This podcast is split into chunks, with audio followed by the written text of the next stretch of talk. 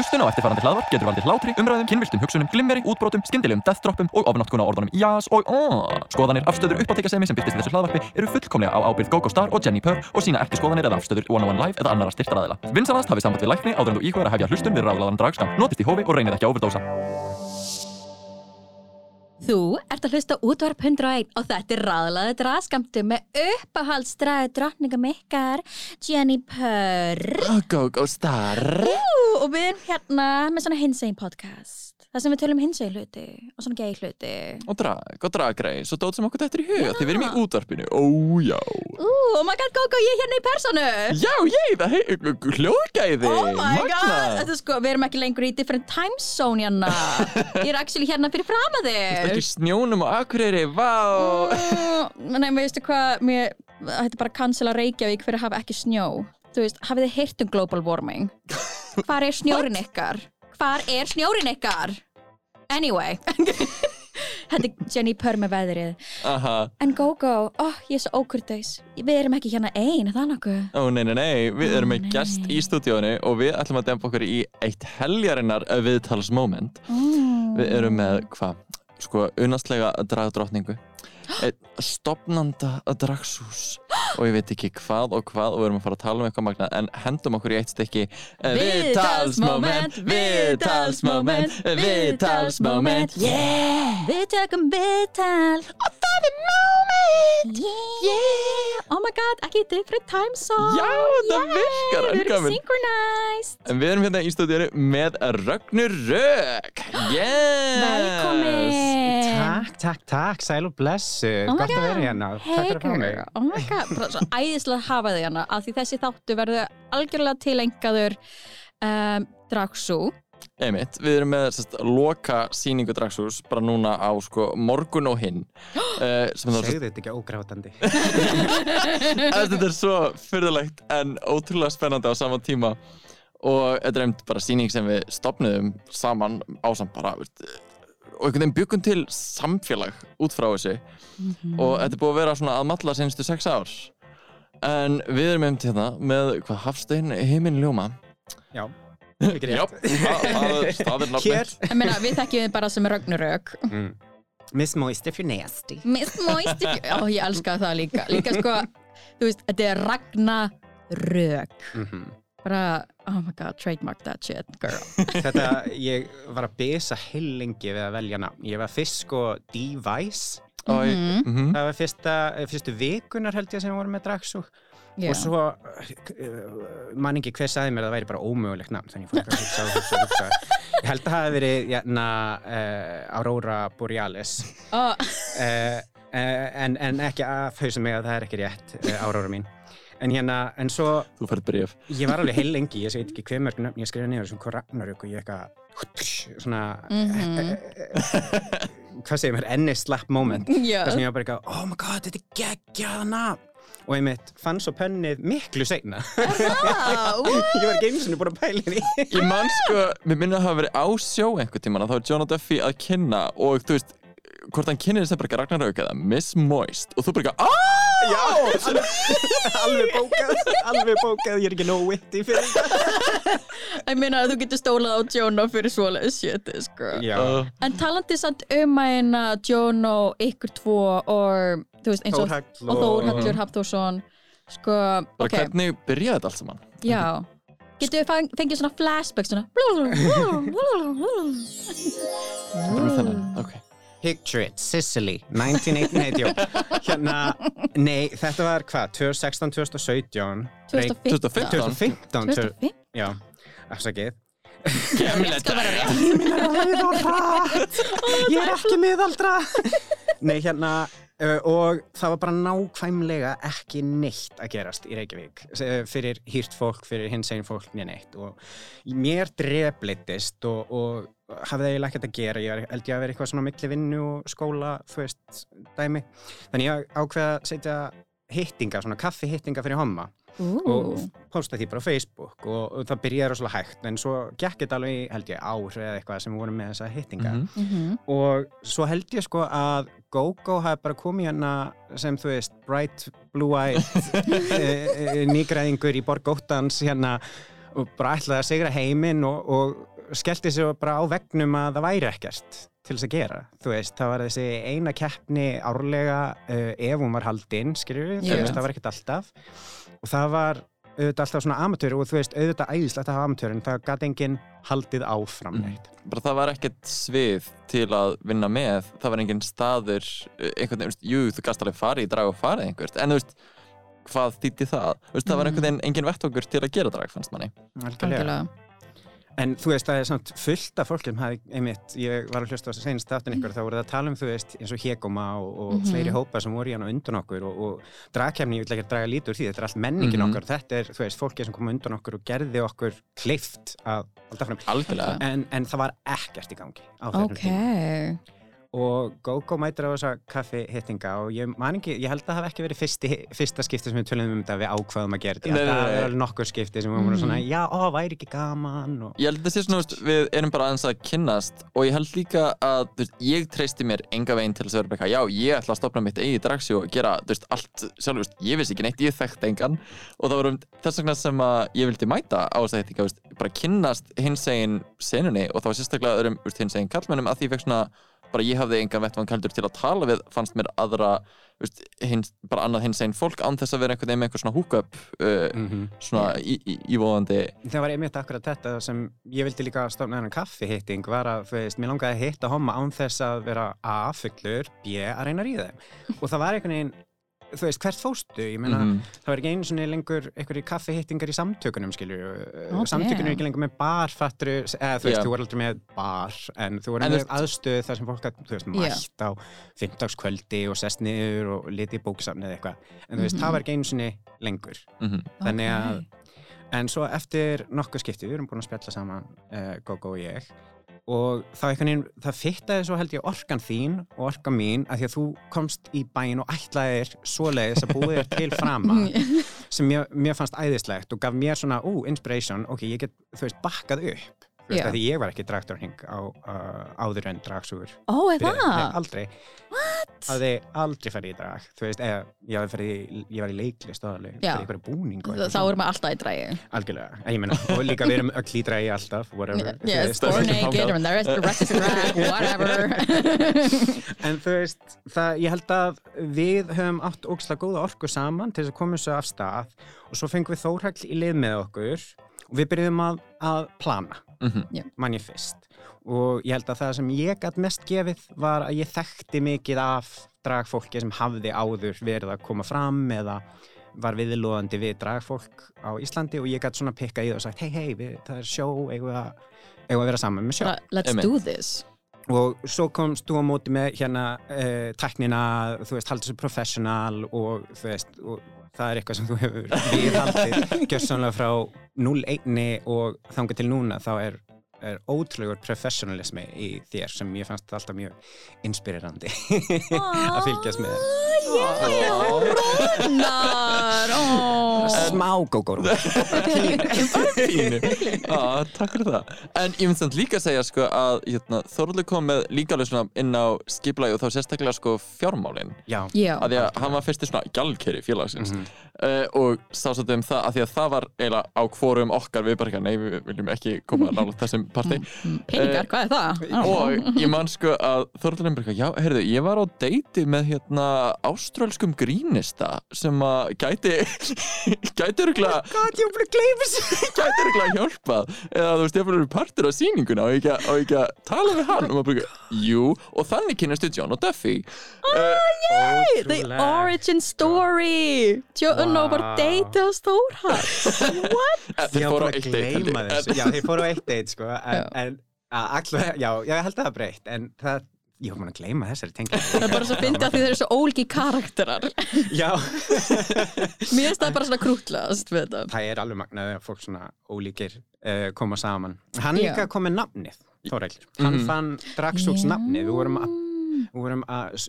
Býtu, hver, hver er samt saman, fyrir hlustendur sem vita ekki, þú veist, fólk er bara eitthvað dragsúur, eða þetta er svona dragsúur, eða þú veist, hvað hva er þessi dragsúur, akkur heitir þetta dragsúur? Sko, við vorum að velta fyrir okkur nokkru mismunandi einhverjum svona dragpönns, bara svona hvað á þessi sýning að heita? Og bara það er að vera nokkur skýrt að þessi dragsýning.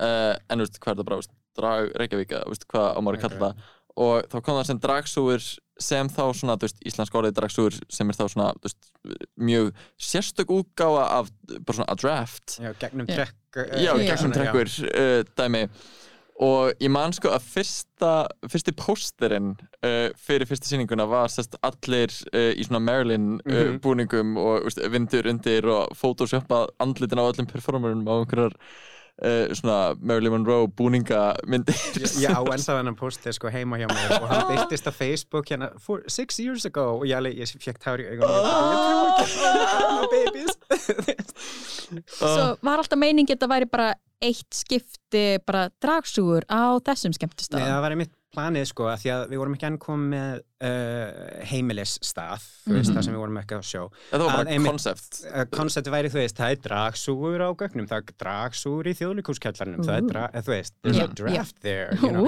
Eitthvað, og það átt bara að vera svona funny og ég meina endilega hlustendur uh, segja þeim ef þið vitum eitthvað skemmtlegri dragpönn en við áttum mjög erfitt með að finna uh, Mm. eitthvað dragpönn sem voru með alvöru kikki eða eitthvað svona tongue in cheek. Það var í rauninni bara svona skásta sem við fundum í rauninni. Og sko eftir þetta þá hafa komið líka með að það svona byrja einhvern veginn einhverja bylgju af sko eins og það er grúpan fyrir svona drag uh, fólk á Íslandi er úst, Ísland í drag mér það Já. líka ógæslega gott. Og meina podcasti Og okkar ráðlega dragskamptur dragskammtur. sem var mín hugmynd bara það er ekki ekki ég, ég elska að Ísland, bara Íslandingar með puns og þegar kemur að þú veist you know, like hinsegin hlutum líka. You know, Mhm. I just love puns. En svo er líka ógæslega að finna á ennsku þá var fólk splittaðist annarkvort drag sew- sewer Já. eða drag sugar já, sigur sig- eða holræsi hvort viltu, við erum með bæði þú veist Ég vildi alltaf segja holræsið, sko. Já, það er mjög, fitting betur. ég meina þegar Wanda og James the Creature voru þannig jú, jú, þá var þetta holræsi nei Hvað, þrý, holræsið strí ekki? Ég, ég, James the Creature og, og Wanda Star. The original Heathers Já. oh, oh my god, memories, you guys Það var svo gaman að sjá Wanda aftur um daginn. já, Hérna með sjó uh, 3-2 Wanda. Oh my god, við varum að tala um það samt Bara, En Já. samt svona að því við vorum Líka að fyrst tala get sem ég kom með fram senustu tvö árin. Yes, ég mitt heyrði mjög góða hluti um það sko ég mynd komst ekki af því að ég var í færi uh, og þurfti að senda vídeoskilabað en Það, það, það samt trillti líðin, sko. Oh my god, videoskilabóð, yes! Já, það var líka svo fyndi hún Wanda var eitthvað, what the fuck? Það þykjast leita þér hérna, eitthvað, hvað er hún? Og svo allt í á skjánum hún eitthvað "Ah!" Mother! Hún er En af því þú varst að tala um að eina Þú veist, þið voru komið með konsepti dragsúgur En þið voru ekki komið með heimilistað Mm. Hvernig gekk svona að finna heimilið? Sko ég man að við pældum í þú veist ég held að fyrsta hugmyndin hafi klálega verið bara getur við verið á Kiki uh, Já, af því það er, þá- þú veist, queer staðurinn Ég man samt þú veist það voru alveg einhver svona uh, bara svona issues í gangi varðandi sko dýravörslu og Já. bara svona attitude sem að mér er búið að taka alveg á síðan þá okay. en líka Kiki var ekki með svið Já. þannig að það var, það var mér frá, frá DJ búrið var, Var það sem Já, það sem, það sem sviðið er á Kiki var það sem DJ Já, borðið er Mhm. Það og var. það var hægt að setja, ef maður pantaði svið það var hægt Aldrei. að setja það inn uh, en þú veist, bara mega ves og einhvern veginn enginn ljósabúnaður, þannig að það var eiginlega hægt að setja svona sýningu Já. Líka í, þú veist, við erum að byrja sjó í fyrst skiptið og eitthvað svona, þú veist, við vildum bara, ok, við viljum hafa eitthvað einfalt, þú veist, Mhm. framkomur í mig, ok, það er fyrsti grundvöllurinn af því að við veljum stað, þú veist, Já. eða spurjum Já. alltaf, hvort við megum vera. og þú veist, eitthvað baksvið til að taka sér til veist, al- bara alls konar svona checklisti sem að maður uh, bjóð til og þá, veist, það er þú sem í rauninni bókar okkur á gaukinn Já, nei, líka, þú veist, já, segja frá, þú veist, við vorum, þetta var, við vorum búin að setja lista, við ætlum sko að byrja á gauknum, fara svo í þjóðlíkuskjallarann, fara svo þangað og svo þangað og svo Mhm. þangað, byggust ekki við að fá svari uh, fyrst um sinna allavega, bara ætlum að tjekka, en þegar við mættum þá einmitt, na, voru eigundurinn bara strax til í að fá okkur og bara segja, heyru, hvað sem þið viljið, við viljum hafa ykkur hjá okkur og bara við ætlum að passa ykkur líði vel og, og finna er að ennar eigandinn þá er núna orðin uh, mjög sterkur og stór uh, dragperformer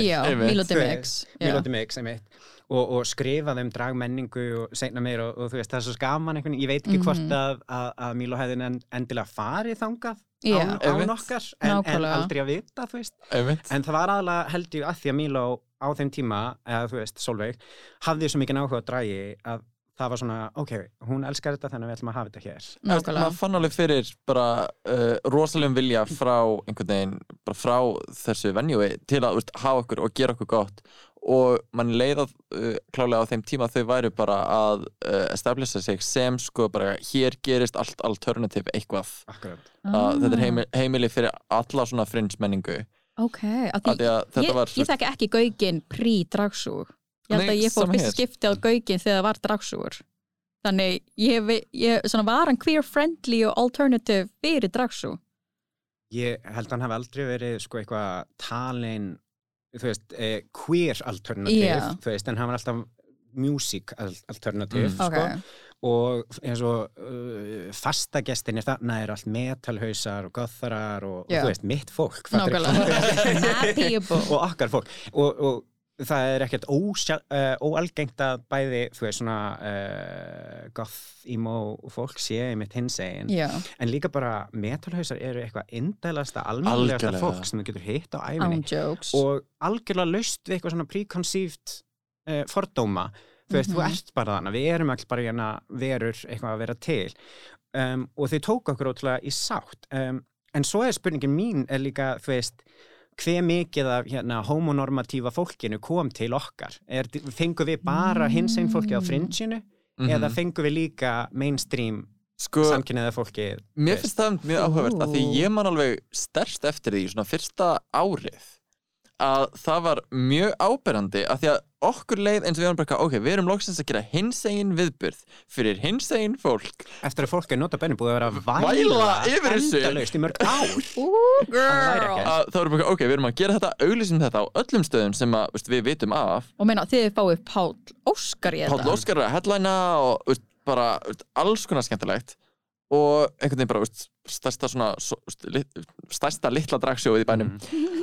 og þá maður tekur eftir því að það mættu veist, flestir sem mættu voru þeir sem að veist, vissu, veist, voru að fylgjast með Drag Race uh, voru vinir okkar uh, og flestir sem mættu held ég að hafa verið veist, straight fólk Já. bara, allies sem voru bara, oh my god, Íslands drag, ég verð að sjá aðalega straight fólk sem var að steyðja okkur fyrstu, vá. fyrstu mánuðina, jáfnvel árin sko. og það sem maður myndi segja svona, veist, að hinsegin samfélagið, mér fannst bara ég upplýði mig ekki sem part af því alveg heilengi mm að bara af því að ég þekkti eiginlega engan nema innan dragsennar og að því að þau síðan einhvern veginn manni leið eins og það væri svolítið gefið skitt í mann Þú veist, bara svona, þú ert ekki neitt ennþá What? en svo eftir að við byrjum að vera eitthvað svona nafn, eftir að fólk Yeah. að byrja að tala um bara ó, dragsúður er skemmtileg síning Og það Það er alltaf uppselt. já, já, bara það er alltaf stúdfyllt þú verður að bóka fram í tíman og dæmi veist, þá byrjaði fólk að mæta og þá Já. byrjaði fólk að bara, hei, fáum við frímiða að þeir við, bla, bla, bla, og maður er eitthvað, uh, Já.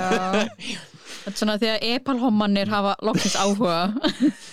Já, og ég veit ekki hvað við hefðum þurft að gera til að draga þú veist, við gerðum allt í okkar mm valdi, þú veist, það voru afsláttur að drikkjum, það voru spes kokteilar, það var fritt innstundum Ég meina, við fengum alltaf, ég man að við vorum alltaf með mismunandi headlinera, þú veist, við Mhm. fengum að eina Andreu Gilva, við höfum haft Mhm. Hul, Hugleik. Dagsson og þú veist, við höfum, þú veist, Gæja sem notaði tipi sitt í að lifta lóð, þú veist, við Mhm. vorum, we had everything og þú veist, what more do you want? já, Totally, totally. svo maður bara svona þetta var einmitt spes tími það sem, þetta var svona, við erum sjálfstætt sjó, en þetta var samt svona við vildum auðvitað höfða til, you know sko target audience Algjörlega. mega áhugavert að á þessum tíma, sest, við byrjum í november 2015 Já. og held, ég held á sama ár, gæti verið að fara með ráttmál, en sest, Improv Ísland er að byrja á svipum Mm, tíma mm, Já, Kabarettin, Mm. sest, er ekki, kabarett byrjar árið eftir uh, skinnsemi síningarnar hjá Sirkus Ísland veist, er að verða veist, stærri á þessum tíma líka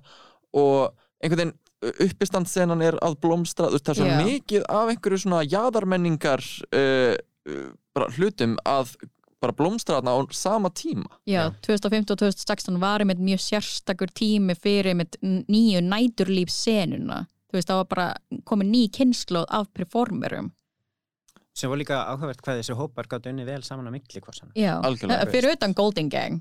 Já, oh god Eh, Úrvaldir einstaklingar innan Golden Gang kannski. Því Við vorum þetta, þú veist, mér veist Jono verið einmitt góð millilið, þú veist, Jono og Gogo Star, þú veist, Gogo með kabaretti og improv og Jono var með, þú veist, uppistandaranna og þú veist, hana, you know, the big boys í eina sem voru einhverjir en voru samt svona, you know, í næturlífsinninu svo þetta var einmitt svona gaman hvað fólk gati einmitt hangið saman og svona spila með hvort öðru.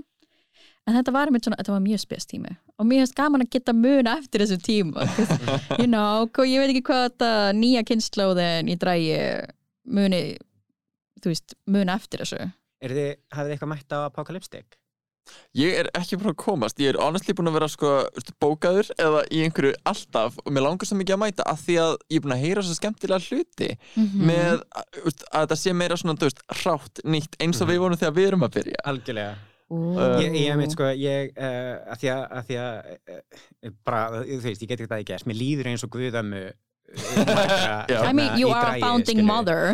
Þú veist, og, og ég, mér þykir svo óskaplega vænt um drag á Íslandi Já. og, og, og alltaf, þú veist, þrátt fyrir drama og einhvern svona skæting og kýting sem, þú veist, er óhjákvæmilegur mm en ég elska alla sem hafa verið viðlóðandi til drags og verið í einhverju.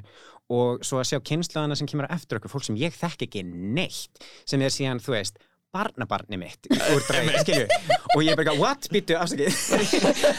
Er ég amma? Akkurat, og líka þú veist, margir sem hafa komið úr þú veist, e svona löngu eftir sem Já. koma til mín seinna og segja þú veist, ég kallaði aldrei dragmömmu mína en þú ert svolítið dragmamma mín veist, og það er svo sætt það er eitthvað svona, ó, æ, ok, takk ó, ég legacy eitthvað svona dæmi, Mhm. þannig að þegar ég mæti á, á Apocalyptic, þá er ég eins og byluð amma á fótboltaveklinu hérna, þú veist, ég, þú veist, fólk horfir á mig á næsta borði bara eitthvað, oh my god, þessi guður getur alltaf kjátt Oh en ég er bara eitthvað þú veist, ég mesta klappstýr í heimi fyrir dræju ég, því, ég, já. einmitt, eða, sorry, ég vildi bara segja að var að um, að því að dragsur að líðandi lók þá gleður það mér svo óskaplega Mm. mikið að það er drag uh, þannig að apocalyptic til dæmis Mhm. að fara Mhm. upp og, og þú veist, ég er bara svona it's, it's, það gerist ekki það sama áður að, að það byrjar eitthvað og svo deyr það og hverfur að eilífu, Mhm, þú veist, heldur er þetta einhvern veginn svona áframaldandi þróun þessar -hmm. menningar og engin pása á milli Já, að ég held að ég myndi að Íslandingar séu þú veist með smá PTSD um leið og eitthvað gott gerist og það hættir eða tilkynir að sé hætta þá er mér bara, ó nei, núna verður þú veist 20 ár af, þú veist, þurru tímabili.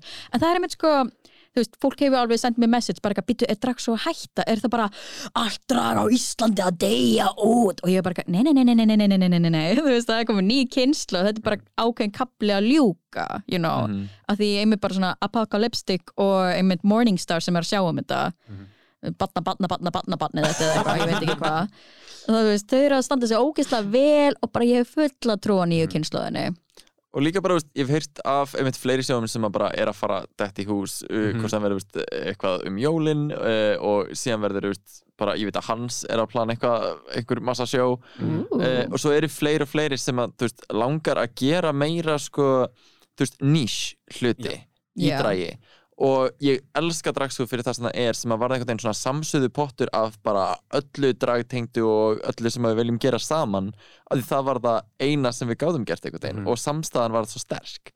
En núna erum við komin einhvern veginn á þann stað og búin að byggja það mikið upp að það er hægt að vera með bara eitthvað, já og hérna er bara, þú veist, bara eitthvað Dracula þema, þú veist, horror dragsjó. Og hérna er bara, þú veist, eitthvað sirkus þema, bara, það og mér finnst það ótrúlega spennandi og ég bara, ég get ekki beðið eftir að sjá líka sko fleiri stíga í svona uh, producer sætið Já, og algjörlega. Mhm. byrja að búa til sína vision. Að, og að þóra, þú veist, að því að já, uh, mér finnst nefnilega samt, eitt sem ég finnst svo fyndið í þessu er hérna ef þú ætlar að vinna sem drag performer já, svona að atvinna. þetta er alveg 150% vinna 200% vinna skilju, og en ef þú ert amatör þá er annað, en svo að blanda því saman þetta gaman að suðupottinum en það varð alltaf eitthvað tókstreita á milli, þú veist við erum bara að leika okkur Mhm. versus við erum að vinna. Þú veist, Mhm. mér fannst það, eh, ég væri til í að heyra eitthvað hvað þér finnst til dæmis um það, þú veist. Ég, ég tengi mjög mikið við það af því að ég líka sko það var á tímabili alltaf þessi ekki á svona, þú veist, cirka bát þriðja árinu að þá dett ég pínu út úr sko, svona missi pínu einhvern veginn svona gleðina Mm. fannst Ah. mér, eða svona missi pínu svona sköpunargleðina að því ég fæ svona ok, ég get bara gert þetta og ég veit að það er nógu gott en ég þarf að fókusa á að veist, byggja þetta upp og passa allir sé, veist, maður byrjar að vera ómikið svona veist, mamma allra Mhm. og ómikið að passa upp á sko sýninguna og prodúsa sýninguna og ég held bara, var mjög feimin að byggja um hjálp þegar Já, þú alltaf þessu svona sportryggi Já, svolítið mm. Nei, en það er líka bara, ég man eftir þessu sjálf, ég nefnilega brann út, sko, Mhm. sem, og, og bara hvarf af, af, af yfirborðið jarðar á einhverjum tímapunkti, en einmitt, að því að þetta er mun meira álag heldur en fólk gerir sér grein fyrir, Mhm. og sérstaklega stjórna svona hóp, að því að það er svo mikið svona interpersonal vandamál, þú veist, þetta, þetta er ekki bara eitthvað svona eitt vandamál leysum heldur þetta er svona alls konar, eh, þú veist, ef ég laga eitthvað og þessi er ánaður, þá verður þessi. Já. Mér varst líka sko, mér varst alltaf ótrúlega erfitt uh, þegar það byrjaði að myndast í rauninu bara þegar við erum á þeim tímamótum að draglab er að myndast Mm. sérst bara við erum orðin of mörg til að passa í eina sýningu og það er orðið alveg bara svona frekar breytt bil á sko, þú veist, bara reynslu, professionalisma og annað uh, þar sem að við erum bara eitthvað, ok, við þurfum eiginlega að skipta þessu upp og það er orðið alveg svona pínu ósætti af því að við erum bara eitthvað, ok, við erum að bóka þessa í uh, dragsúgursjó Já. við getum ekki haft það fjóra klukkutíma þannig að ég verð að segja nei, bara verðum að segja nei við fólk Já. og mér fannst það alltaf ótrúlega leðilegt að vera bara eitthvað, nei þú ert ekki nógu góður til að vera með, að þú veist, það var heldur ekki málið þetta var meira bara, Minna, við vorum líka að rukka inn meira heldur en eins og við gerum upphaflega þú veist, fyrsta Já. sýningin var 500 kall eða eitthvað þú svo kall Þúsund kall held ég. En þá var líka að því að við ákváðum að rukka, Mhm. að því að við vildum búa til þá menningu að dragperformerar fái borgað fyrir Mhm. vinnuna sína. Þannig að við byrjuðum á því að rukka og ætliðum svo að reyna að þjálfa fólki að tipsa sem gekk mjög, mjög hægt og mjög hægt. Nýmina og ennþann dag í dag það tipsar nánast engin uh, allan að seinustu apocalyptic show, þú veist, já, kæru hlustendur, tip your queens. And Kings. Bara, en kings, sorry. Tip your drag performers, your monsters, your everything. Farið í hraðbanka á verðinu farið á dragsjó. Mhm. þú veist, takið nokkra fundur kalla. Ég meina, þið þurfið ekki að tipsa alla en ef eitthvað hrýfur ykkur, enn til að gera það. Það er ótrúlega gaman. Það er bara svona partur af. Já, og að fá að vera svona hluti af Mhm. þú veist, Mhm. þetta er bara ógeðslega gaman og, og það gleður alla um, en við einmitt ákváðum að rukka inn á sjóin þannig að það þurfti að vera viss gæðastæðal já, um, en hann var ekkert eitthvað heiminhár þú veist, gæt hver sem er komið og prófað en ég man eftir einu tilteknu atviki þar sem ykkur mætti ekki hælum ekki búin að binda uh, eða festa hárkóllina, make-upi var ekki lægi, mætti svo með textan á tónlistinni sem þau voru að lipsynga, eða syngja þú veist, heldu á textanum. Þetta var bara svo skelfilegt og ég, ég skammaðis mín svo að því að þetta var svo að bjóða fólki upp á þetta sem borgar Já. fyrir sjó mm. þannig að þú veist ég hafði mína línu eitthvað Mhm. og ég let það alveg heyrast en þá þurfti ég mitt að vera með eitthvað svona sjó sem væri ókeppis á þannig að hver sem er geti labbað inn á svið hver Einmitt. sem er geti gert hvað sem er og það er enginn að búast við einhverju bara veist, að geta stíði fyrstu skrefin án þess að hafa þessar þú veist, væntingar Mhm. sem að þú veist, fyrir suma voru alveg heiminháar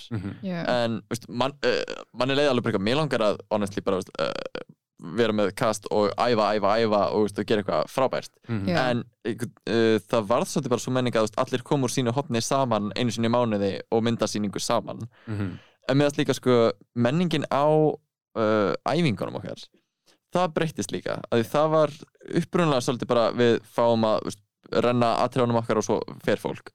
En það myndaðist pínu svona uh, svo stemming að við vorum einhvern veginn að leikstýra atriðanum Mm. hjá hvort öðru og bara svona hjálpa hvort öðru að stíga upp það varð alveg frekar mikið álag og þannig sé sérstaklega á þig til að byrja með hvernig er svona þín uh, upplifin af því sko uh, það er bara svo fyndi það er bara svo mismunandi hvernig fólk tekur gaggríni og sérstaklega þeirra performer og sérstaklega þeirra performer í dræ að þetta er svo Mhm. persónulegt skilju Mhm. Þannig ég held sko ef ég geti farið tilbaka þá myndi ég segja, þú veist, ekkert endilega að fara að leikstýra fólki. Mm Þú veist, því að ég er ekki viss um að það gaf neitt. En ég held samt að það hafi gefið nokkur um eitthvað að, að þú veist, að við með leiklistar einslu, þá við ekki að tala um drag, eða eitthvað að segja að þetta drag, dragið þitt er ekki nógu gott eða ekki nógu, Mhm. uh, whatever. Heldur það meira, þú veist, eigum að reyna að slípa framkomuna, eigum að- við að reyna að gera þetta svolítið svona bónið aðeins, þú veist. En sumir taka því mjög persónulega veist. Já, þannig að ég held að það væri betur bara að leifa fólki að sjá um þetta sjálf sko. já, alveg í dag en þá er mitt í sjóin eins og dragla uh, ég held nefnilega þegar þetta er orðið svona ok, við ætlum núna að vera atvinnuperformerar þá er þetta orðið eitthvað allt annað þá er þetta ekki mm alveg sama Já. menningin sko. uh, uh, á meðan eins og Draglab og Apocalyptic sem bjóða alla velkomna til þess að koma fram að, að það er svo mikil gleði í salnum að hvetja eitthvað áfram þú veist, trátt fyrir að maður sjáu þú veist, þetta er kannski óslípað eða eitthvað, það er svo mikil gleði að sjá þetta fólk á sviði að vera óskamfeli, uh, skamma sín ekkert þá líka verður þetta oft svo mikil útrás mm -hmm. Uh, sem maður bara tekur þátt í og bara drag er svo rosalega interaktiv medium að áhrundur eru svo rosalega mikilvægir fyrir sjóið Já. að það getur bara Mhm. hjálpar að getna, pumpa allu upp sko. nákvæmlega En ég mitt nefnilega brann, brann svolítið út á þessu að því að ég vildi alltaf þú veist, ég var alltaf til af einhverjum, gæðum af öðru fólki og mér fannst ég ekki standast mínar eigin gæðakröfur tengi þannig að, að ég er mitt misti gleðina líka ég misti, þetta var bara ógæðslega erfitt og, og líka þú veist, uh, djammið allt í kringum þetta og allt svona, þú veist, ég var bara langþreyttur uh, og þurfti bara að fara að vinna í mínum geð minni geðhilsu, skiljum við mm um, þannig að já, ég veit ekki, þetta hljómar kannski eins og þetta hafi verið eitthvað eitthvað, eitthvað vietnamstríð, nei, ég meina það ekki, þetta var bara eh, svona eh, lúmst hvað hva, þetta gat verið erfitt. Einmitt, þetta var alveg svona pínu bítandi. Og maður tók ekki alveg eftir því fyrir en allt einu það var bara, þú veist, örlítill nesti eftir að, þú veist, mm. loganum sem maður hafði þar maður bara, já, ég þarf aðeins að taka skref tilbaka. Já, Uh, líka bara svona að því þú kemur í dragsu og þú ert bara við ætlum að vera vinir, við ætlum að vera einn stórs fjölskyld og núna ertu komið, þú veist, prodúserinn en þú vilt samt vera vinur allra Mhm, en þú þarf samt að vera einmitt svona you know, stranga mamman sem segir þeim að senda tónlistin á réttum tíma og eitthvað. Maður upplýði sig, alveg, ég held að þú tengir alveg eitthvað við þetta líka, veist, maður upplýði, upplýði sig svolítið fyrir utan hópin líka að því að ég get ekki verið eins mikill partur af hópnum að ég þarf að vera einhver svona, þú veist, authority figure að vissu Yeah. leiti Já, sérstaklega því að þú veist, fólk er að treysta okkur til þess að, að taka einhverja ákvarðanir og þessu réttar skilur Já, Þannig, að- og, og það var ekkert lítið sem kom upp og ég meina eins og þú veist, við vorum enda laust að, að, að, með að hafa tónlistarfólk mm í sjóinu. Fólk var alltaf að reyna að fá okkur til þess að hætta því og ég bara þverneitaði að, að, að hætta okkar hins einn tónlistafólki Mhm. mér fannst það mjög mikilvægt að hafa þau með. Um, þú veist, þegar það kom upp umræðum blackface, þú veist, kom, þú veist það kom alltaf eitthvað svona moment það sem enginn gati einhvern veginn verið sammála. Vera sikkur, og þá eru við tveir einhvern veginn að reyna að taka ákvarðanir fyrir mjög uh, uh, uh, ósamála hóp. Einmitt, og líka, veist, og hugsaðan tilbaka þá erum við líka bara eitthvað, þú veist tveir hvítir sis uh, þú veist, í ríkara sem bara toppurinn á fæðikæðinni hérna innan einn samfélagsins og maður bara já, þú veist bara, maður hefði alveg örgulega gert einhverju hluti öðruvísi mm -hmm. hugsaðan til, tilbaka. En þetta bara ferli og þetta líf sem dragsugur hefur átt finnst mér alveg Já, ég- stórkustlega sko. ég myndi ekki skipta út fyrir neitt sko. hvað voru svona þá uppáhaldsmomentin ykkar? Þú veist, hvað er þið svona stoltastir af? Eða stoltust? You are girls here. We're just a bunch of girls. Hvað er þið svona stoltastar af að hafa gert í dragsu? Eða bara svona, þú veist, einhver sýning eða eitthvað. Minna, 2017 var mjög viðburðaríkt ár. En ákveðin dragdróning kom á Draglab. Já, þannig að erum við að tala um uh, uh, afeitrun. Já. E to the E to the T to the O. Það er svo hella, ég, ég get sagt ykkur það að þegar uh, ef ég er komin í glasrun pínu meir þá, þá leiti ég alveg á YouTube og finn hérna uh, momentið þar sem Detox úr Draglab tipsar mig. Oh, og það er held ég besta moment að ég minna bara, eða þú veist það er hápunkturinn, ég gæti svo sem dáið eftir Já. það og það er ekkert merkilegt að fara að gerast eftir það held ég. En það er alveg ógeðslega uh, það er alveg með svona mínum stoltustu momentum, en líka að fá fólk til að kom, fara í drag. Fólk sem Ó, er já. að koma á sjóin og ég, þú veist, sá það bara momentur, þú veist, bara ég ætla að egna mér það, til dæmis hérna Death Star. Ég sagði Jeff Star og James the Creature að fara í dag þeir voru Mhm. alltaf á dragsú í Mhm. búningum og Já. horfa á sjóið harði neituð að fara í drag og ég hætti ekki fyrir en þeir mætti loksins og, hva, og hvað eru þeir núna? fucking að meika þessum dragdrókningar eitthvað starf út í útlöndum einmitt Mm. Bam. ég veit hún er dóttir þín sko, sem officially að sjá veist, þessar ljósapyrur kvikna mm. veist, í fólki veist, og líka bara að gefa fólkinu þetta svið og þetta frelsi til þess að geta veist, bara leist eitthvað laust innan, innra með sér uh, sem að, veist, maður sér að margir koma á sýningar og eitthvað, bara eitthvað, vá, þetta virkar ógæslega skemmtilegt, maður bara eitthvað, þú getur gert þetta líka. Mhm. og þú þarft ekki að gera þetta á atvinni það er stundum gaman að gera þetta bara einu sinni. En þú veist, bara að Mhm. geta gefa fólki uh, þennan vettvang. Já, þau voru einmitt svo metnaðar fulli performer að maður var bara eitthvað öll lúkin, þú veist, atriðin voru alltaf eitthvað svona, þú, þú gafst treyst á að Death Star myndi koma með, þú veist, everything and the kitchen sink, sko. Mhm. Já, já, hún er að fara að stilla nýmjólk á sviðið eða eitthvað, sko, veist, það er það var alltaf eitthvað Bara, your daughter, your Scorpio daughter.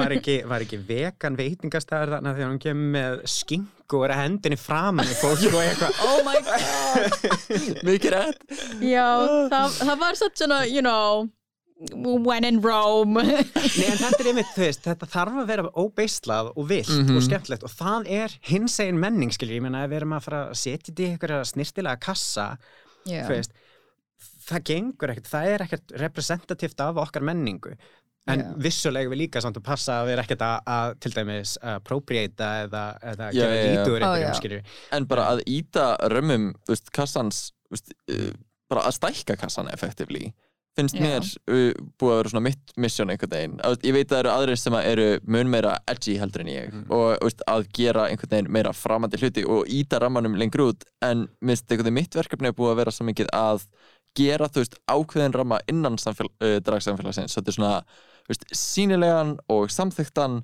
þannig að rest geti ítt ennþá meira Akkurat. já, og að sjá það gerast einmitt núna í dag. Maður er að sjá fólki þeirra í dramanum ég mæti á, einmitt, eh, sorry, að því að það er bara eina dragsjóðu sem ég hef verið að mæta regla á núna. Mm.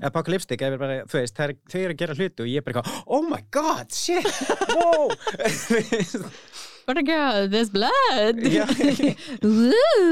Líka, og þú veist, þau eru með hérna, ég líka svo ánöður hvað AFAB herru, það var líka, ég, við megum nú til með að minnast á það að Ú. AFAB uh, performerar, dragperformerar heldur dragi á lífi í Mhm. einhver eitt eða tvö ár hérna var það ekki? Þannig í Reykjavík? Jú, hérna í Já, Reykjavík en assigned female at birth. Einmitt, Já. Er það... Og- mm, Já, Það er- mér finnst? Bio Queen vera svo, svolítið svona Já, ég elska að vera fab sko. queen. Yeah, I En- wanna be fab. Ah, Fab Queen fab queen. Líka sko, mér veist einmitt svona, þú veist, fab queen, þá tel ég bara, þú veist, fólk sem er, þú veist, kvennmenn í drægi, mér veist líka svona a biological woman, mér veist Já. að vera svona íta út, þú veist, you know, the non-binary femmes, Mhm, en þá finnst mér einmitt svona, jú, ég myndi sko, þú veist, sömur voru svona, ó, vá, það er bara, bara píkur upp á sviði núna, þetta er ekki drag.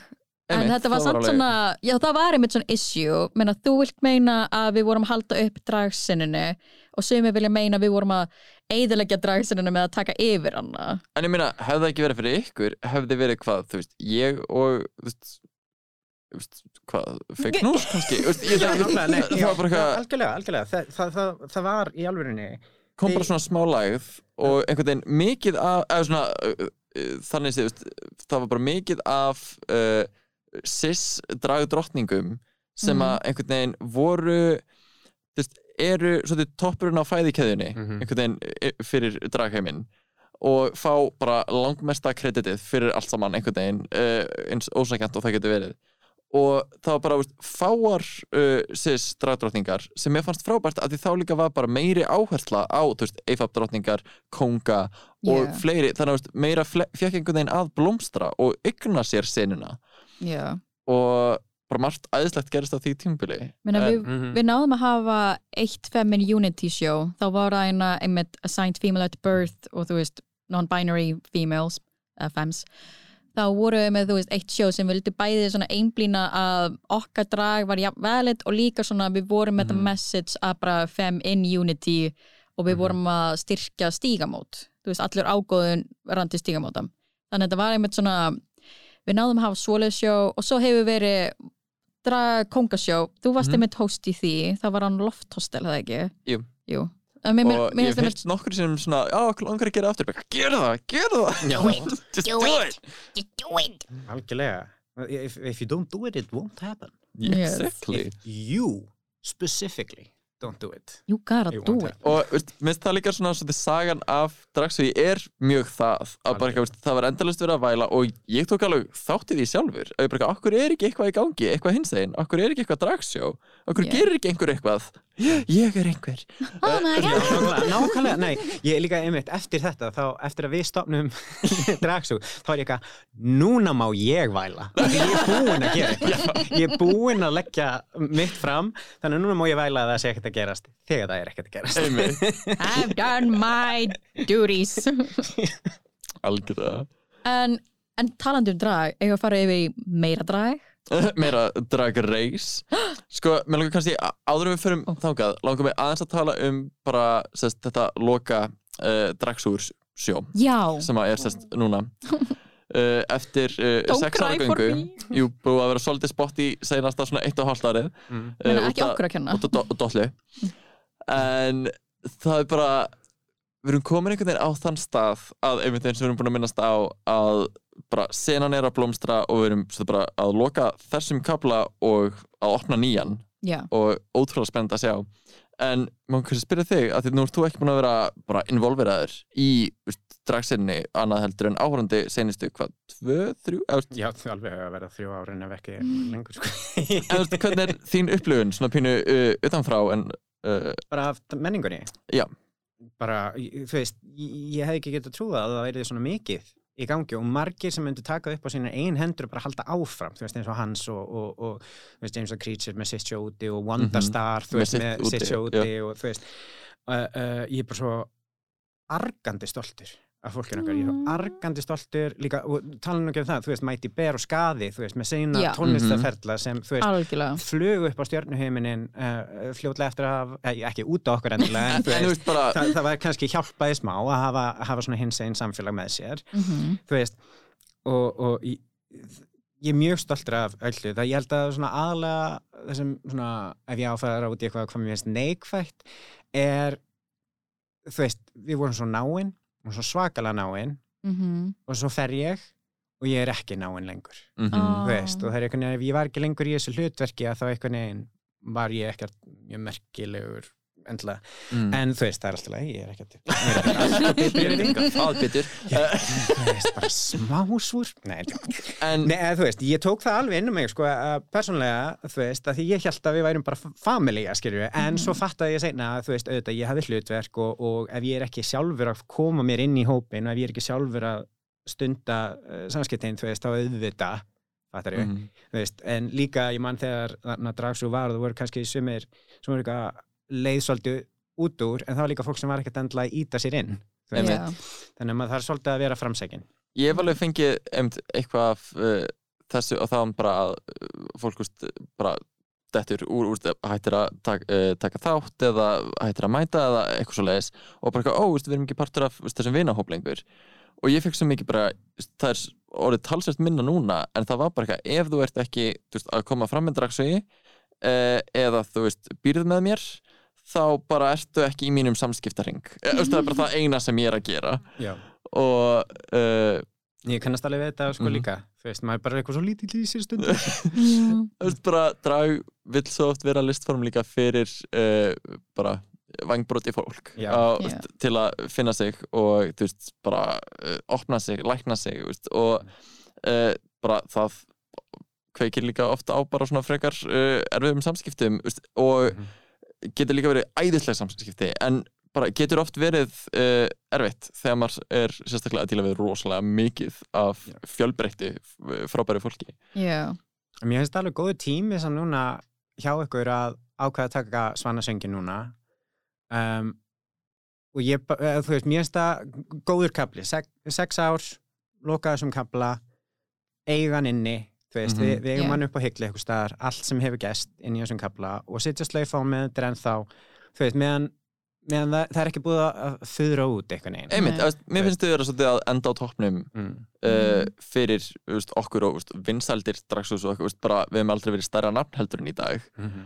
uh, og þú uh, við ætlum að fara þangað þannig að, og maður er alveg búin að heyra af hverju er það að hætta, veist, bara þeir eru seldið upp sjóið uh, á bara einhvern tíma og bara, já, en veist, það er bara samt sem aður að opna uh, hurðina á nýja hluti Nákvæmlega. Ég held líka að uh, correct me if I'm wrong skilju, en, en, en fólki sem hefur verið uh, að koma fram undir Dragsúks uh, nafninu senustu árin tvö, þeir eru bara komin á stað þar sem þið getur öll farið að vinna eitthvað sjálfstæðu vinnu sem Mm. dragperformer skilju, Algjörlega. þið þurfið ekki að vera saman endilega Nákvæmlega. lengur um, þið eru öll mjög hæf augljóslega þannig að þú veist það er svona spurningin þarf maður en þá að vera í þessum hópi og, er hann, og sérstaklega fyrir ykkur sem er að stýra honum þú veist e, e, er ég að fórna tíma sem ég kannski geti miklu fyrir ykkar eitt í minn eigin fram þú veist þegar þetta fólk er það hæft að sjá um sér sjálft Nákvæmlega. um, og líka því að þetta er ekki eins og uh, draglab var þú veist fyrir, fyrir til þess að viðhalda einhverju uh, baby queer menningu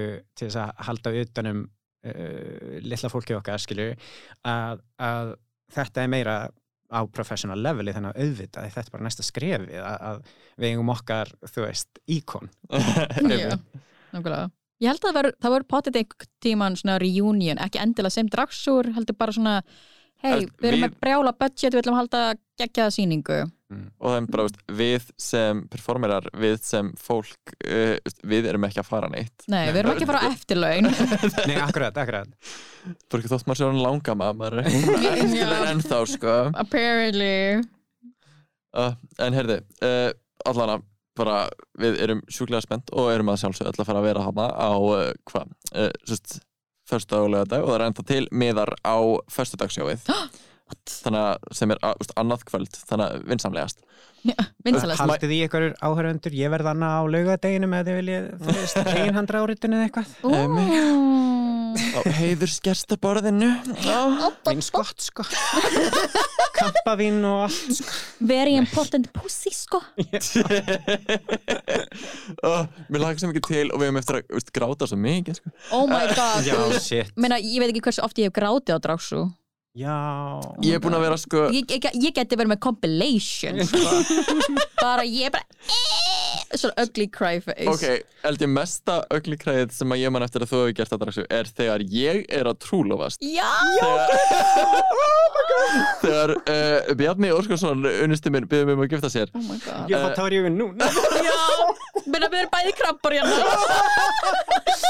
All the emotions. Sko ég stend á sviðu og ég bara eitthvað, ég skipulega þetta ekki hvað er að gerast. Sko þegar tónlistin byrjar og Bjarni kemur upp á svið með mikrofónu ég bara eitthvað, hann er það, er kveiknað í og hann er rólega að lappa upp á svið og segja bara eitthvað, við þurfum að tæma húsið. Úst, ég bara eitthvað, það er eitthvað hræðilegt að Ó gerast nei, ó nei, nei, Just a nei fire in his heart. Oh. and his pants. Og, en já, ég held að það var sko og svo beint eftir það og myndbönd og eitthvað svona frá hliðalínu er öll af Jenny Purr að bara eitthvað, Mér að geta svona Geta romantic svona ah, yeah. Og svo svona fast zooma andliti mitt Bara ekki Ég líka bara eitthvað Ég skildi ekkert hvað var í gangi sko. Og ég var bara eitthvað This is happening En já, Þetta var alveg sérstætt moment it was beautiful ég held að sé alveg á topnum hjá mér sko. mm. En hvert einasta afmælisjó sem við áttum, Já. þá stóð ég á einhverjum tíum punkti yfir og horfði yfir, yfir mann fjöldan já. og, og tárin lágur niður og ég bara ég er svo stoltur af mig ég er svo frábær oh my god, sáu þið sjóið þetta var geggja þú veist, og bara að það væri eitthvað svona legacy. Einmitt, ég fann það um sérstaklega á ammælisjónum að þá var þetta bara eitthvað, við bara byggum þetta til, við erum búin að búa Mhm. til þetta samfélag, við erum búin að úst, bara búa til senu. En við, við með stóru vaffi allir sem voru með okkur Já. þú veist, ekki það þið gerst án allra. Já, þetta var svo mikið samfélags átak mm -hmm. Allir það sem voru í þessu. Og ég veit ekki hvort þú tengir. Mér finnst það svona erfitt stundum að tala um þetta sem, sem að við gerðum og einmitt við öll gerðum án þess að hljóma einhvern veginn svona ég með allt, með, alla minn sjarma gerði þetta upp á eigin spýtur með eigin svit og tárum það er svo erfitt að einhvern veginn hljóma ekki eins og einhver algjör asshole þegar maður er að tala um þetta. Mér líður alveg eins ef ég er eitthvað, já þegar, þegar ég, eh, ég segir reyndar alltaf þegar við og þá mm. Meini ég og þú þegar við stopnuðum en svo segir ég, en með alveg, ég bæti alltaf við, Já. við vorum hópur af fólki, þú Nákvæmlega. veist, þetta voru, við vorum 10, 10, 20 manns, þú veist, veist, og ekki bara performerannir, það var Já. alls konar fólk baksviðis, þú veist. Katla er bara ómetanleg Mhm. baksviðis, um, þú veist, Mhm. Já, herspirannir Helga! allir.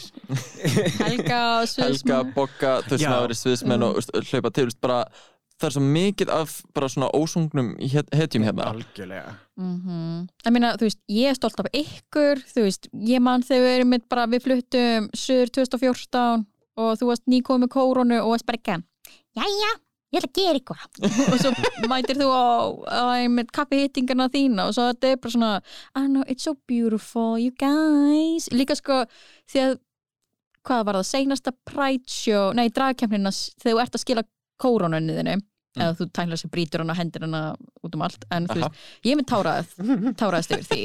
Og ég var bara ekki, eh, af því þetta er svo it's so crazy að fá að vera partur af þessu og ég er bara ógeðslega þakklátt fyrir það. You, cause you guys. Og við erum þakklátt fyrir Veist, Elskar þetta þig. Mm, þig. Svo líka ef, ef einhver þannig úti var hluti af drags og ég eða kom og hjálpaði, ég vil bara eitt sjóð, þú love you, takk fyrir að vera, takk fyrir að koma, takk fyrir að koma fram, elska ykkur. We did it! nóg Give me that shit, baby! history! yay, history. Oh my god. Oh, þið erum svo væmin oh, yay. Það er svo væmin uh, En bara, ég segi, smellum okkur í uh, bara eitt stykki Drag Race Recap. brum, brum, brum.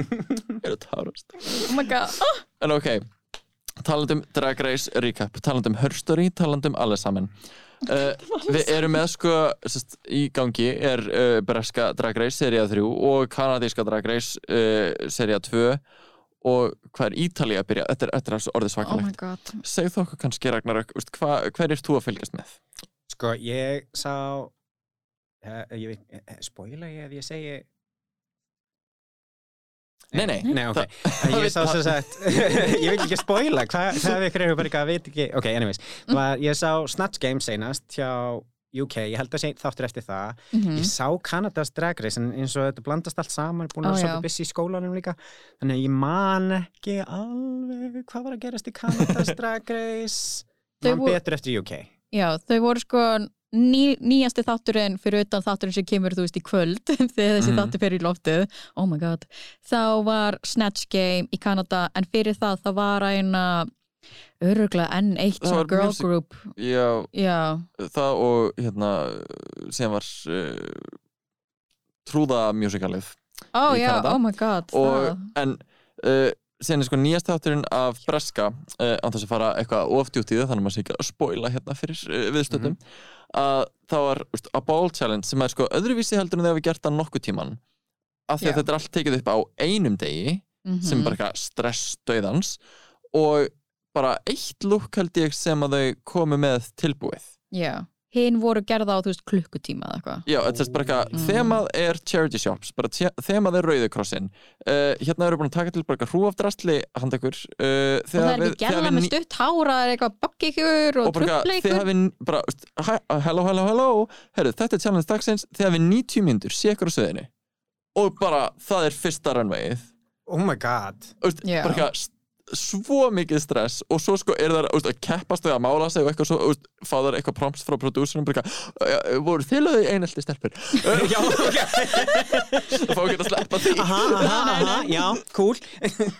hef enga tíma til að tala um það en ok og sko, og mér fannst það uh, úst, tímastressið, væntalega fengur þær aðeins meiri tíma heldur en uh, ekki, en mér fannst það sko ótrúlega áhugaður challenge að því þarna fekk maður líka að sjá sko hvað þeirra creativity.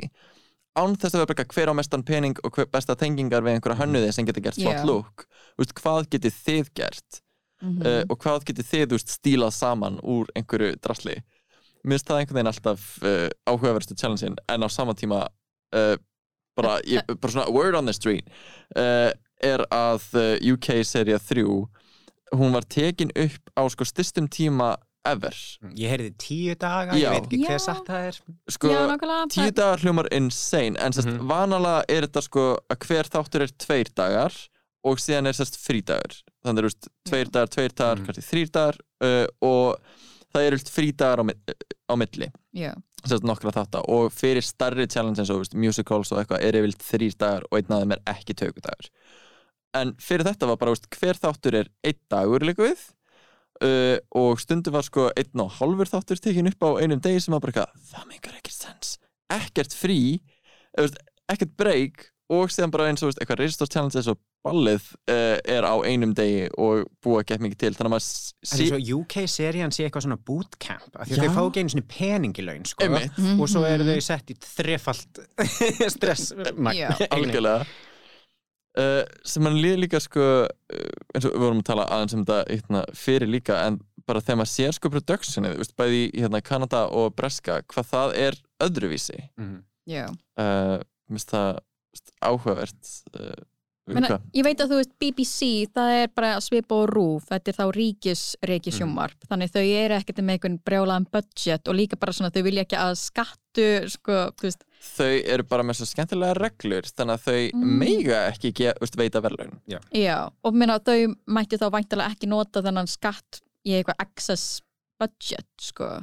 Veist, þetta, það væri öðruvísi stöð 2 væri að prodúsa þetta og, og rúf væri að prodúsa þetta en ég held að Kanada þá er þetta, ég held að þetta sé engareikin stöð sem þeir eru með, alveg sitt hvort productionið, þannig að þú veist, ég, ég vona bara að bresku drottningarna sé ekki bara á einhverju svampdínu, þú veist, í kallara og það bara eitthvað þið megi núna koma upp og hoppa í gegnum eldringin í dag krakkar. Og það er bara eitthvað, "Ah, ok RuPaul. Með að Brooklyn Heights er bara eitthvað mmm, tipi, eða eitthvað, þú veist, ég veit ekki hvað. Mér veist líka bara Brooklyn Heights sem dómari bara svo næs og líka sko að því þú voru að gera Snatch Game í Kanada og þá var Brooklyn bara eitthvað mmm, PTSD að því henni gekk svo illa sem Celine Dion. Þannig að hún er með svo góða tengingu við þá sem að standa sig ekki vel og, bara, yeah. veist, ég, veist, og hún gerir allt sem hún getur til að reyna að hjálpa þeim in the moment sem veist, uh, svona, gerir svolítið að, aðra dýnamík sem er finnst þetta áhugaverð. Finnst ykkur ekki samt absúrt að í ein, einni serju þá er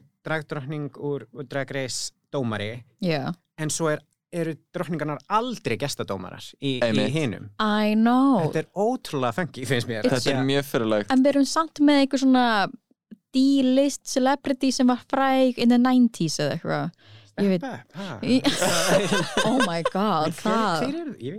Ég veit Aldrei um sko hérna, ég hef heyrt að það sé sko eitthvað bara svona, þú veist, ég veit ekki hversu official það er, en bara að það verður aldrei önnur dragdrottning í panel með RuPaul, að það sé bara eitthvað óskrifið regla, Ah. en með grunar að það gæti verið þá að því að verið að brjóta upp formið með til dæmis Kanada að Brooklyn Heights sem að var keppandi í US Drag Race er aðaldómarinn, að það gæti þá mögulega gerst þar, Mm. eða í þú veist eitthvað af þessum miljón spin-offs sem er að gerast og persónlega eftir að hafa séð þú veist UK Drag Race og uh, krísuna sem að var Ástralíu Drag Race Mm. að mér finnst að RuPaul ætti bara að halda sig í bandaríkunum Já, Já. af því að þú veist, það er svo furðulegt að vera bara ég skildi ekki þennan djók bara, já, af því að þú skilur ekki þú veist, þú ert ekki partur af þessum menningarheimi þú ert ekki partur af þessum popkúltúr Já, og það ætti ekki allir að þurfa að keitara til þín RuPaul til, Þú veist, já, þetta er þáttur sem heitir eftir þér, en þetta er líka, þú veist, RuPaul's Drag Race Australia, not RuPaul's Drag Race, my personal uh, Humor. uh, humor. uh, you know, þú veist, en ég, núna, núna verð ég kannski afhauðsaður en mér finnst bara komið tími til að RuPaul fari í eitthvað annað og leifi ykkur um öðrum að taka við dómnefndinni, haldu nafninu RuPaul's Mhm. Drag Race, haldu Mhm. eignaréttinum allt það, go ahead girl. En bæði það, þú veist, þannig að húmórin, stíklinn og annað mér líður eins og RuPaul sé að missa svolítið touch við Já. hvað yngsta kynsluðin eða hvað framtíð drags er. Mhm. sérstaklega þar sem hún á að vera að velja hvað er framtíð drags. Mér finnst hún verið búin að missa svolítið touch já, veist, og, og mér fannst fyrsta vísmenningin af því var hvernig hún talaði um þú veist hérna uh, uh, hvað heitir hún aftur? I'm here to fight Vixen Já, Vixen, Vixen. já, hvernig, hún, hvernig, hún, hvernig hún dílaði við loka þáttinn þeirra þá var ég bara eitthvað, byrju, þú ert að segja hún sem komið frá samanstæðu, þú er samt hefur enga þólumæðin til að hlusta á hvaðan hún kemur mm -hmm. skilju, eða þú veist þetta mjög svona, Þetta er loksins einhver sem þorir að þú veist, tala, Tala- tala á móti þér Já. já, og tala um líka almennt um rasisma og þú veist, Mhm. hvað sem er eitthvað sem að, sem að RuPaul bara talar aldrei um eh, og dílar aldrei við af því að hefur einhvern veginn komist ekki yfir það en þú veist, komist einhvern veginn á þann stað að þarf ekki persónlega að díla við það í drægi á þann hátt. Minna, RuPaul er ekki að performa í persónu einhver staðar, þú veist, það er einmitt Vixen og aðra dragdróningar sem er að halda sín einn sjóalæti sem fá aðdáandur upp í andlit á sér og, veist, og tölvupósta og læti. Mm þannig að, þú veist, er orðin ósnertalega, ég er ekki að segja að hann he hefur bú- búin að hafa það auðvelt sem svartur hins einn maður í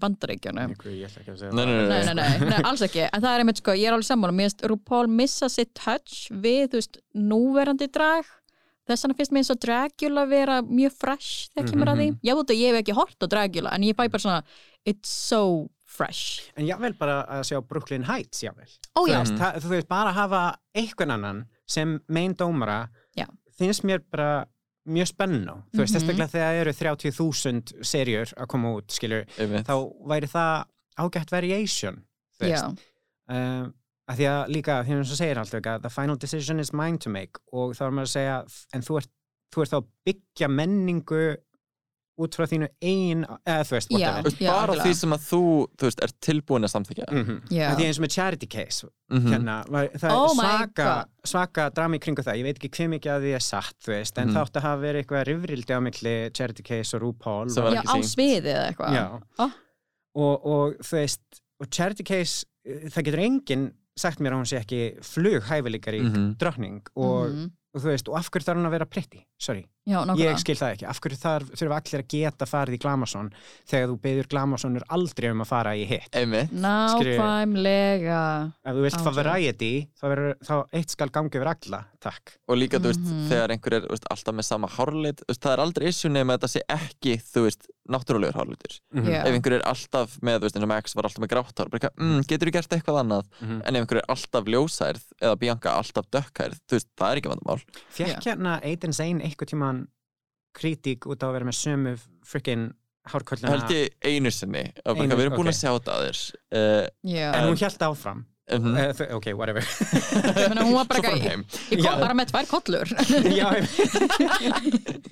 En mér finnst líka bara svona að því RuPaul sér eiginlega bara ekki lengur price tag á hluti, hann er bara, þú veist ég vil ekki sjá H&M, ég vil ekki sjá þetta. Mér er samúð farið þrjusson í handarhlaup þeir eru báðar farnar heim. Þetta er svona það veist, ég er ekki skil alveg, þú veist, ég vil sjá eitthvað meira uník en bara það er þetta að segja það á mun betri og mun minna privileged, þú veist, hátt. Og á sama tíma getur líka bara reynt þá að búa til, þú veist, challenges og categories og eitthvað sem að, þú veist, nýtir þeirra sköpunarkraft betur Mhm. og byggir ekki fullkomlega á því bara hver á mestan pening. Mhm. Nei, af því það er svo ótrúlega ósangjant mér finnst þeim þetta ætti að vera þak Mhm. á, á því sem uh, hvað mátt komið mikið eða fyrir mikið pening uh, bara hérna er kvittan hennar. Hérna er bókaldið bara því að þú veist, ég meina í öllum heiminum annars, Mhm. þá fá, fær ríkt fólk lega upp mm þannig að ef við kannski að reyna að equalize aðeins sérstaklega það sem mikið, mikið, mikið af fólki sem er í drægi er hins einn fólk sem er ekki í góðri stöðu í samfélaginu. Uh, Mhm. um, og nema hvita fólkið eh, Akkurat, nema og allt verða þessi granna hvíta drottning sem er einhvern veginn ósnertanleg mm Mhm. það er aldrei neitt að þeim eða þú veist maður, svona, já, þetta er orðið aðeins svo augljóst mér. Já, mér líka bara svona að því við varum að tala um budget ég vil ekki einmitt, að þú veist, það er svo skadilegt þegar fólk horfir á Drag Race oh my god, þetta er æðislegt og síðan horfir á, þú veist, local dragi sitt Mm. og er bara eitthvað, á þetta er ekki nóg sko, ég hérna með hot tea að sko ákveðin aðili ég ætla ekki að nefna nafn en okkur horfur þú svona á mig? Ákveðin svona æðislegur aðili wink wink sagði að Íslands drag væri ekki on the same level og Drag Race. Og reynda hann vissi, hann vissi ekki að ég var í dragdróning og hann bara sagði þetta svona ja, mér finnst Íslands drag ekki vera nógu svona, you know, up there. Og ég fekk bara svona, oh girl.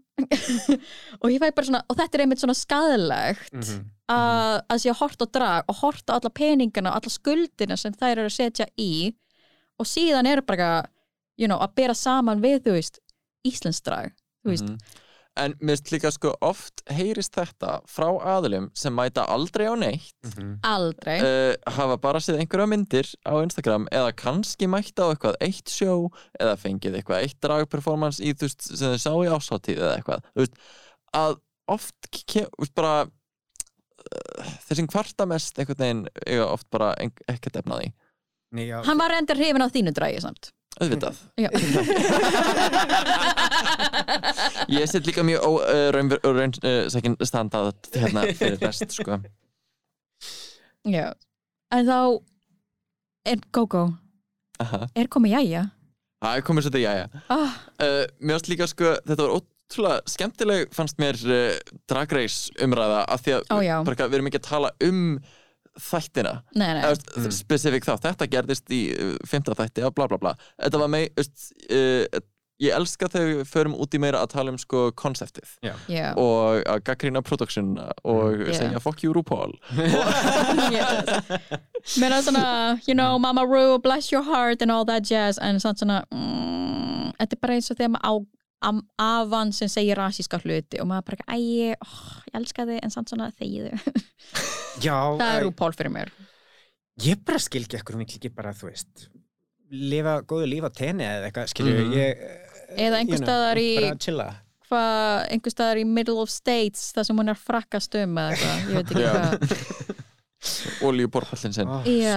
svo skemmtilega problematíst við fórum samt ekkert út í production og hvað hún sínileg hún er sjálfur Já. sér í þáttunum mm -hmm. þú veist að, að, hérna, að þetta er nánast aukaleikari eh, að því að algjörlega en að á, uh, hvað sagði ég áðan þannig að, að, að gott production er eins og góður þjó þú eða góð Mm. ekki að taka eftir henni já. bara á að virka um, en strax þú ert farin að taka eftir þjóninum eða þjónustunni eða productioninu, þá er hún ekki að gera rétt þú veist, þá, þetta er ekki raunveruleika þáttur og ég meina við erum öll hugsað það áður skilur, Mhm. lengur.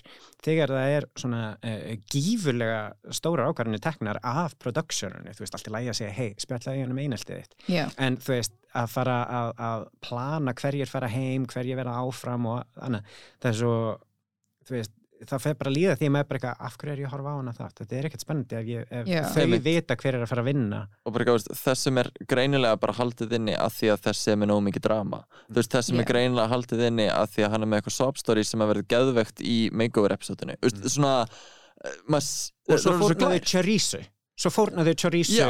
þú veist, í stæðin sem er, þú veist, comedy TV gold, hvert Hún- einasta moment sem hún hún var var top 3 hjá mér, hún og Victoria Scone, sko. Oh. oh Mm. og ég, ég var brjáluð þegar, þegar hérna hún fór ég sko, ég stóð ekki við það en ég fekk svo mikið bara, ég ætla að hætta að horfa á þetta Já. ég, ég, horfa ekki að vera Ég líka bara af því ég var svona Victoria Scone Mm. og ég var bara ekki, mhm, Shantae, you stay now let her go og svo bara ekki River Medway Shasha away, maður bara ekki what? Æ, ég veit ekki, þetta var Mm. svona it was, it was super rude Já, meðan bæði double elimination og double shanty vera algjört. Æst, þetta er orðið sem ekki bara svona að reyna að sjokkera áhörundur Mm. uh, og reyna að halda okkur á tánum með productioni frekar heldur en þeirra talenti sem er sko meira en nóga Akkurat. Já, og manni langar að treysta talentinu. Einmitt. og sko ég saknaði þess líka að, að manni leið svolítið eins og ákveðin svona editor eða bara að editorinn væri einhvern veginn svona þú veist, 13. drottningin hvað Mhm. var þar, þú veist, að svona ó, ég myndi aldrei segja þetta, cut to. Þú veist, einhvern annan tjald að tala uh, roll the tape. Veist, ég saknaði þess að það er eiginlega hægt. Já, eins og með Tatiana Raven bara ekki I never said that. Og svo bara Tatiana is a fucking bitch. Og I would never say that.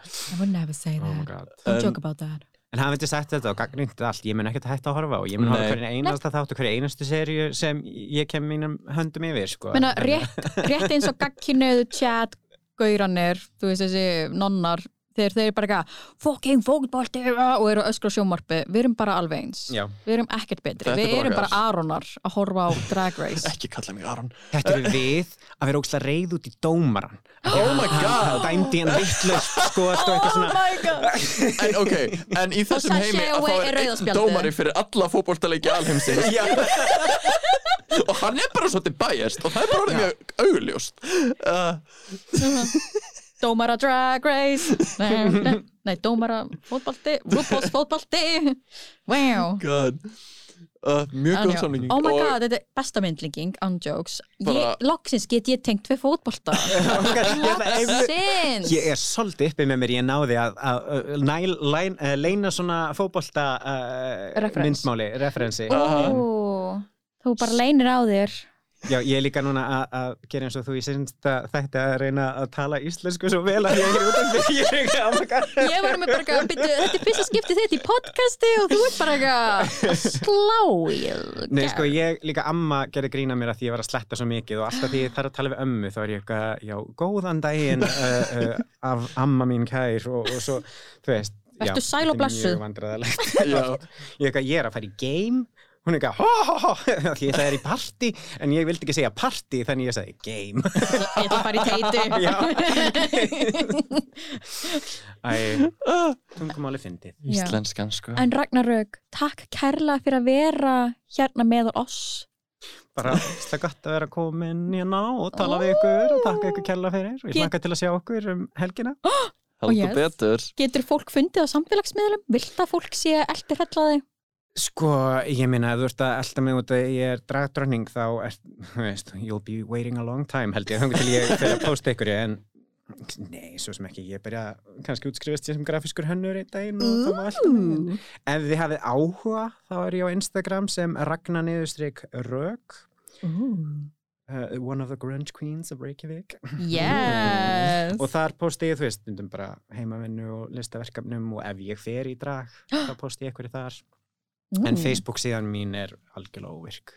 Þú dusta kongulóða vefina af þessu. Já, ég fæ bara stundu svona, svona chasers við og við, eitthvað að bæta mér. Ég er eitthvað, uh, nei. Nei, takk. Send them my way. Þeir það er alveg slatti af chasers á Íslandi, það er Já. alveg magnað sko. Oh yes, honey mann eftir alveg, fyrst skipti sem ég lendi var að að vera á drags og, þú veist, og ekkert, ekkert lítið málaður og ekkert eðlilega málaður heldur. Mhm. og samt eru þeir bara eitthvað, nei þú viltu koma með mér? Og maður eitthvað, það getur ekki verið þér haldið sko, það er ekki fræðilegur, Mhm. ekki fræðilegur. Það vita nákvæmlega hvað er millila bara, þú veist. Sko, Men- ó, mér finnst þetta svo áhugaverð umræða sem við getum bara tekið einhvern tíma senna En- ég get alltaf komið aftur sko. Mér finnst það svo áhugavert að þetta er sko bara svona að ég skil ekki alveg þetta hugafar Vist, ég skil ekki alveg þennan hugsunahátt að því að vist, fyrir mér er þetta bara eitthvað þú ert með greinilega einhverjar svona, þú veist, homoerotic vist, tilfinningar Mm. uh, bara, og langar að fara ángað en þú þarft einhvern svona stepping stone inn á myndli Já. þú þarft, bara ég þarf að vera með hárkolli ég þarf að vera málaður, veist, bara þetta er víst, voða mikið bundið við svona alfa mail pælingar sko, að, að hérna, við náttúrulega erum að lítið lækka okkur svo mikið Mm. því að klæða okkur í kvennmannsfið Algjörlega. það er alveg skelfilegt að vera kona uh, augljóslega. Oh, Ég veit, þetta það er kalt ekki. henni af því að Það taka fram sérst ekki náfélni út Það vondlíkta er ég ný Brr, kalt henni Svo kalt. Nei, en já, en við finnst það bara svo pathetic eitthvað. Ég er meiri maður af því að Ert ég þóri ekki að klæða af því að þú þóri ekki að klæðast vissum fötum, þá ertu meiri maður. Eða whatever. Nákvæmlega. Mm. Það er engin meiri maður en sá sem þórir að, að setja eistun upp í, upp í hólið og, og Og ganga á tíu tómu hælum. Já, og beint í rassin Já, og, og duct tape yfir, takk. Yes. Nei, að þú veist, að, að halda að maður sé eitthvað minni að það er, þú veist hardcore manneski að þú ferði í drag Sorry, Ó, þetta er, bara, þetta er erfitt. Ég setti kærast minni einu sinni í drag og það leiðinar því yfir hann. Ah, En ég líka var alveg bara, þú ferði í korsett og þetta verður ekkert, ég ætla ekkert að Mm. Þetta verður alvöru, sko. Og ég sett hann í korsett, hæla og hárkökla og hann eitthvað, ég, ég held að þessi fara að líða mér líður ekki vel. Þannig að þetta er alveg alvöru, krakka mínir. Heldur betur, uh, ef við viljum prjóða drag uh, passa að það séu með vinn með ykkur þannig að líði gefur ykkur uh, drag responsibly. Oh my god, drag responsibly Á þessu þá endum við þá dagsins. Takk æðislega fyrir að hlusta. Við heyrum í ykkur aftur eftir tvær ykkur uh, Takk Ragnar Rauk fyrir að vera með okkur. Og við sjáumstu helgina á Svona söng dragshús, það ekki? Ok, Ok, við verðum sæl. Ok. Bye. Bye. Bye